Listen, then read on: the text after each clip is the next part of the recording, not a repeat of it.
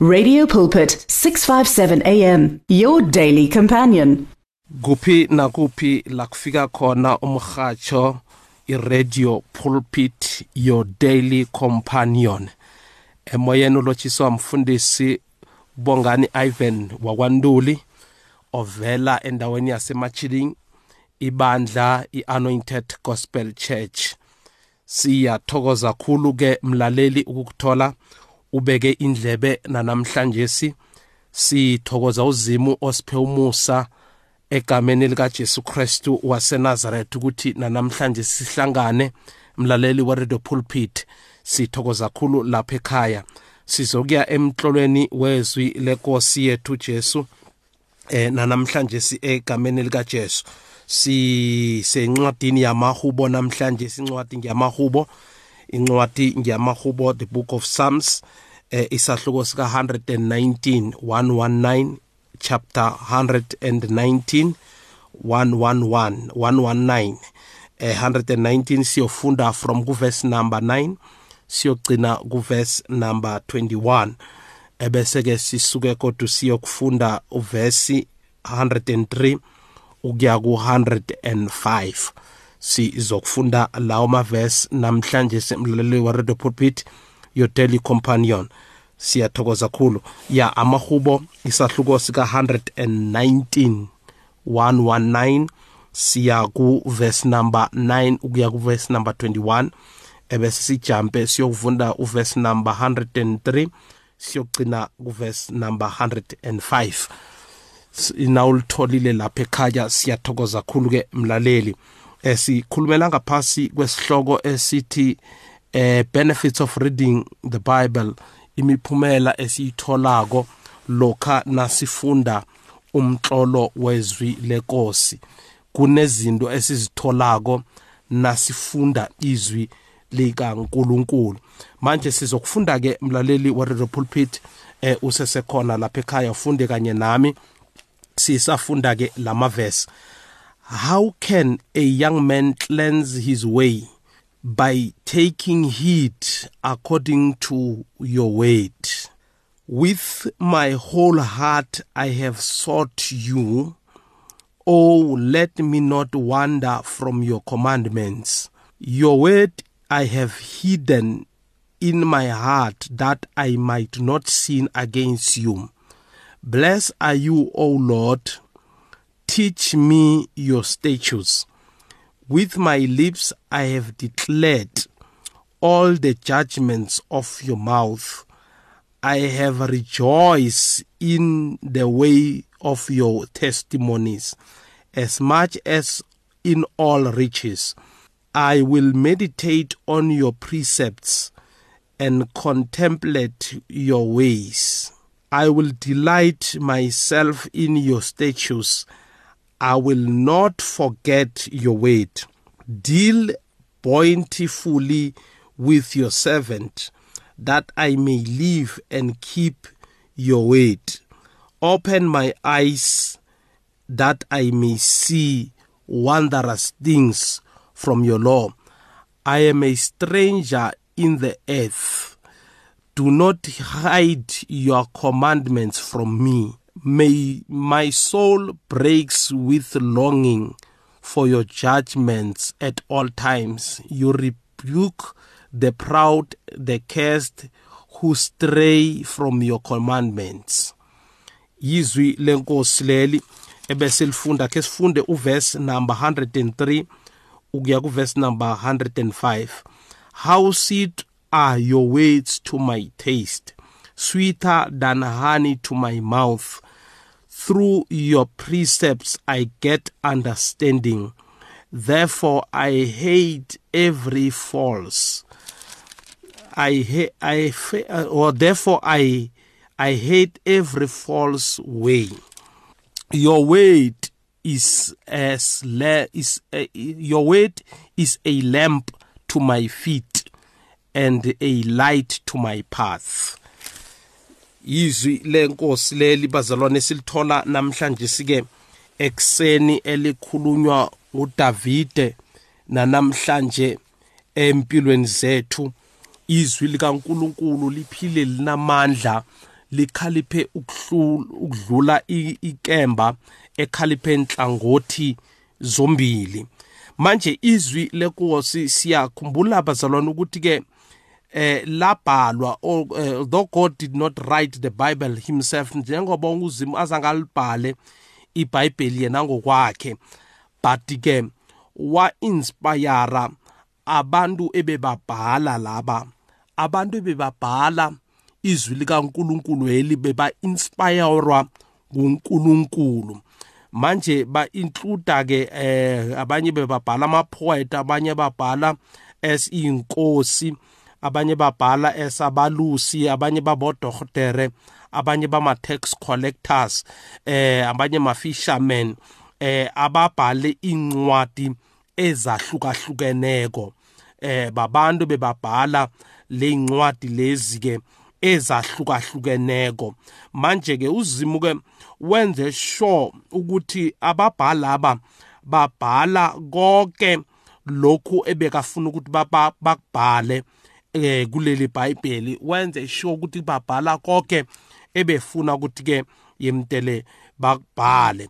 So now eh njengoba izwi nasilithatha eh, asilithathi njengenqwadi nje egeneral but silithatha njengezwi likaNkuluNkulu. Njengoba umuntu nakakubhalela incwadi let's take ukubhalela incwadi eh nakakubhalela incwadi na uyifundako angaberegisa omunye nomunye umuntu abhale incwadi but amazwi aphuma kuwe muntu obomutshela lo muntu ukuthi akubhalele incwadi. So na ufunda incwadi evela komunye umuntu eh uyesu uyafunda ukuthi kubhaliwe la but ke engqondweni nakho uyezwa ukuthi ngubani okhulumako nawufunda leyo ncwadi. Nezwi likaNkuluNkulu silithatha njalo ukuthi it is the word of God. Abantu eh namhlanje bangakhuluma whatever abakhulumako eh ngezwi likaNkuluNkulu but ke thina siya sinalokholelwa sinokholwa siyazi ukuthi ke nguzimu okhuluma nathi through his word. Manje nakamazwi ke esiwatholako namhlanje akhuluma nakho encwadini yamahubo athi how can a young man cleanse his way?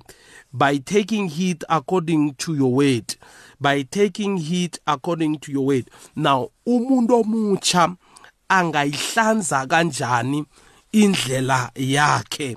Umuntu omutsha umuntu ophila emhlabeni namhlanje si eh kunombuzo uDavide abuza wona ukuthi ke angayihlanza njani indlela yakhe? Sona umuntu lo eh, uyafuna ukuhlanzeka ngendlela okungakho. Emhlabeni esiphila kiwo sazi ukuthi kunezinto eziningi ezenzakala kwabantu bayakhuluma amagama wokuthi eh umuntu angekhe asindiswa emhlabeni asagadanga utshontshwane kusesenezinto eziningi. But ke kunendlela elithi iBhayibheli namhlanje ukuthi umuntu omutsha angayihlanza njani indlela yakhe. Na uthi by taking heed according to your word ngokugcina ngokugcina imiyalo kaNkuluNkulu. Na uzimu njengoba siphila emhlabeni kunezinto kunemiyalo yakhe afuna ukuthi siphile ngayo eh okhona ngaphakathi kwezwi likaNkuluNkulu. So now manje umuntu uhlanza indlela yakhe. Because of sibabantu ngivane ngikhulume nakamagama wokuthi you are what you are being taught. Ungilendo ofundiswa yona. Now nawuhlala phasi ulalela izwi likaNkuluNkulu lifundiswa uba yilento izwi likaNkuluNkulu elithi uba ngiyo. Now nawuphila ngokuyakho ukuthi abantu bakutshela ukuthini ukuthi uyini ulalela abantu influencer abantu influencer isociety influencer awunanto ofundiswa yona. Now empilweni awukhona ukuba umuntu ofuna ukuba nguye ngenxa ukuthi kunezinto ozithatha ofundiswa zona. So now manje namhlanje lithi izwi lenkosi umuntu omutsha angayihlanza njani impilo yakhe na? Ngokuthi alandele. Now uyoba ma result walento ofundiswa yona. Manje namhlanje sike we can be pure. Singabantwana bakaNkuluNkulu singaba abantu abapure abahlanzekileko. Number 1 ngokuthi ke silalele silalele silandele lokhu okuchiwo lilizwi likaNkuluNkulu. Njengoba ukhona lapha ekhaya mlaleli usangilalela usekhaya izwi likaNkuluNkulu leli ungalithathi njengenqwadi nje but lithathe njengokuthi nguzimu akhulumisana nawe namhlanje egameni lika Jesu so now manje sike lilethe lisenza sibe izwi likaNkuluNkulu lisenza sibe pure. Lisenza sibe pure sihlanzeke. Siyahlanzeka ngokuya kwezwi likaNkuluNkulu. How can a young person keep their life pure? By living according to your word. Ngokuphila ngokuya kwezwi likaNkuluNkulu. Lalela lokhu izwi elikutshela khona. Then now yokulalela izwi lokhu elikutshela khona uyokhona ukuthi ukhambe ngendlela le elitsho ngayo. So now nangabe ufundiswa eh ukhamba ebandleni kuba nama bible study kushunyayelwa izwi likaNkuluNkulu likulethela ukukhanya endleleni yakho. So now uba yilento ofundiswa yona empilweni number 2 singatsho ipoint lam lesibili engilibhaleko la ukuthi it brings us joy and wonder. Lisilethela injabulo injabulo it brings us joy. Sithola la ku verse number 14 u verse number 14 uzothi follow your following your covenant laws gives me joy. Just as great riches give joy to others. Abanye bajatshuliswa ingcebo yalamhlabeni. But mina ukulandela imithetho yakho uNkulunkulu kungilethela injabulo ngiba nejoy ngaphakathi kwempilo yakho. For the joy of the lord is your strength lisho njalo izwi lenkosi for the joy of the lord is your strength. Ukujabula kwakho enkosini nawukukulethela injabulo. Now then leyo njabulo loyo ikunikela amandla ukuthi uqalane nempilo. So now uthi ukulandela imiyalo yakho ukulandela lokho okuchoko ukulandela izinto ezichoko zimama now kungilethela injabulo empilweni yami. Ngapha ngaphezulu kokuthi ngijabuliswe izinto zonke ezenzakalako ephasini apha but into engijabulisa kakhulu ukulandela umyalo wakho ukulandela izwi lakho ukulandela lokhu wena okuchoko nangizwa izwi lakho ngiba nokujabula ngaphakathi kwami. Angijabuliswa izinto zimi ongenzela zona but ngijabuliswa yilizwi leli olukhuluma empilweni yabi ngiyathemba uyangizwa lapho ekhaya. Now sithola again ukuthi it nourishes our souls like honey uh, feeds our bodies. Now njenge njengelokanje ihani ihani nje iloka njengehani so ilokanja like honey feeds our bodies ifida now umzimba wethu lo. Now izwi likaNkuluNkulu linarisha umphefumulo wethu ingaphakathi lethu.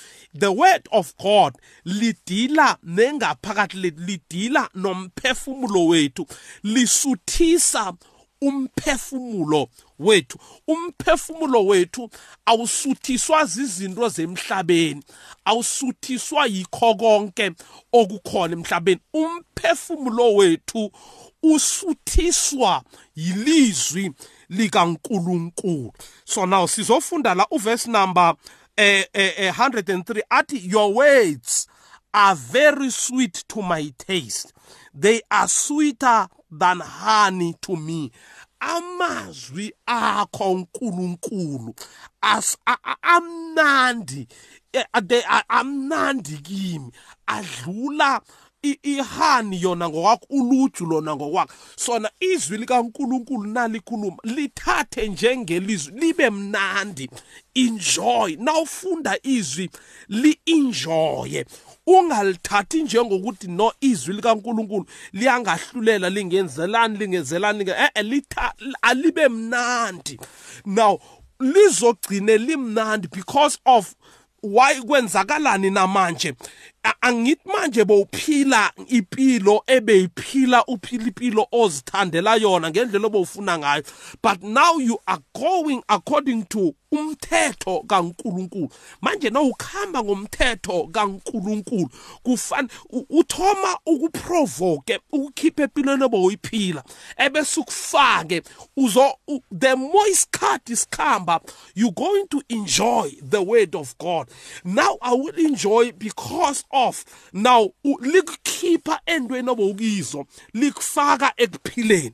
Manje nalikhipha khona kuzoba ne discomfort ebakhona but enjoy the word of God. Let it be like a honey.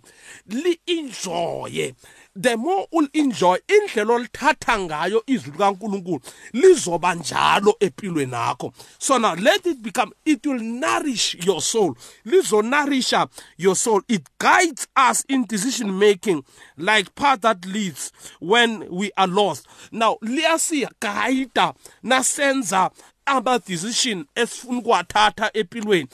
Izwi likaNkuluNkulu liyasihelebha ukuthi sikwenze lokho. Now litsho njalo lapha kuverse number 100 and 5 lizothi your word is like a lamp that shows me the way. It's like a light that guides me. Now izwi likaNkuluNkulu liyisibani einyaweni zethu? Nasikhamba ngalo. Uyabona? Nasikhamba ngalo. Angekhe saduka. Nasikhamba ngalo. Angekhe sachayisa nasikhamba ngalo. Lisenza sibe abantu abakhona ukwenza izinto eziright. Sithatha ama decision azokhona ukuthi asilidele entweni ezosiphilisa kusasa yilizwi likaNkuluNkulu lelo. Manje namhlanje ngifuna ukuthi nje nawuthatha izwi likaNkuluNkulu lithathe njengento ekulethela ukuphila. Liba sibani einyaweni zethu? Liba sibani? Ngamamagama angeke saba lost. Besiba lost all along. Singazi ukuthi siya mara njengoba sikuNkulunkulu asilahleki. Ngoba izwi likaNkulunkulu lisilethela. Ukukhanya lisilethela i-clear decision siba nokwazi ukuthi Nkosi nasilahlekako baba singayapi emthandazweni siyambawa sifunda izwi liyasikhona ukuthi lisinikele ama clear decision ngeimpilo zethu. Sikhona ukuthi sithathe ama decision ekufanele ukuthi siwathathe. Namhlanje mlaleli we radio pulpit ungisalelele uselapho ekhaya. Nanti izwi lenkosi lithathe eslibe yinto oqala ngayo impilo kube yinto othatha ngayo ama decisions izwi likaNkuluNkulu it gives us understanding. Lapha singasana understanding yokuthi kwenzakalana emhlabeni. Sibona lokhu nalokhu kwenzakalana now the word of God nasiphila ngalo. It gives us understanding. Siba nokunderstanda ukuthi no nanoma kunje kusasa kuzoba right nanoma impilo wami ingalendlela kusasa izoba right. The word of god gives us i-understanding siba siyahaba abantu abazwisisako empilweni ukuthi akazoba mnandi kuphela. Now yizwi likaNkuluNkulu elisilethela khona. Nawe namhlanje nawungathoma ukulimbrisa lingakunikela lokhu esikutholako. Kunenge ongakuthola ezwini likaNkuluNkulu umlaleli weRadio Pulpit. Khutha ngikhuthazela namhlanje ukuspend isikhathi ufunde izwi likaNkuluNkulu. Siyathokoza kakhulu namhlanje egameni likaJesu. Nawufuna ukungithola ngiyatholakala. Umfundisi uNtuli uyatholakala emanambeni naka 076 027 0799 angiwaphinde kodwa 076 027 0799 uyatholakala umfundisi uNtuli. Ake ngithandaze nawe. Babegameni likaJesu. Nangumlaleli. Osangilalele namhlanje ngiyathandaza phezu kwempilo yakhe. As lord god almighty azokwenza izwi uNkulunkulu onamandla akasazolifunda baba ngiyamthandazela egameni lika Jesu Christ waseNazaretha the benefits of reading your word. uNkulunkulu onamandla onke mazime embathe ngaso sonke isikhathi egameni lika Jesu Christ waseNazaretha lapho ahlala phansi alifunda. Baba wethu onamandla onke amehlo akhe kamoya makavuleke neindlebe zikakhe zikamoya la uNkulunkulu onamandla onke afunda khona your word baba wethu onamandla onke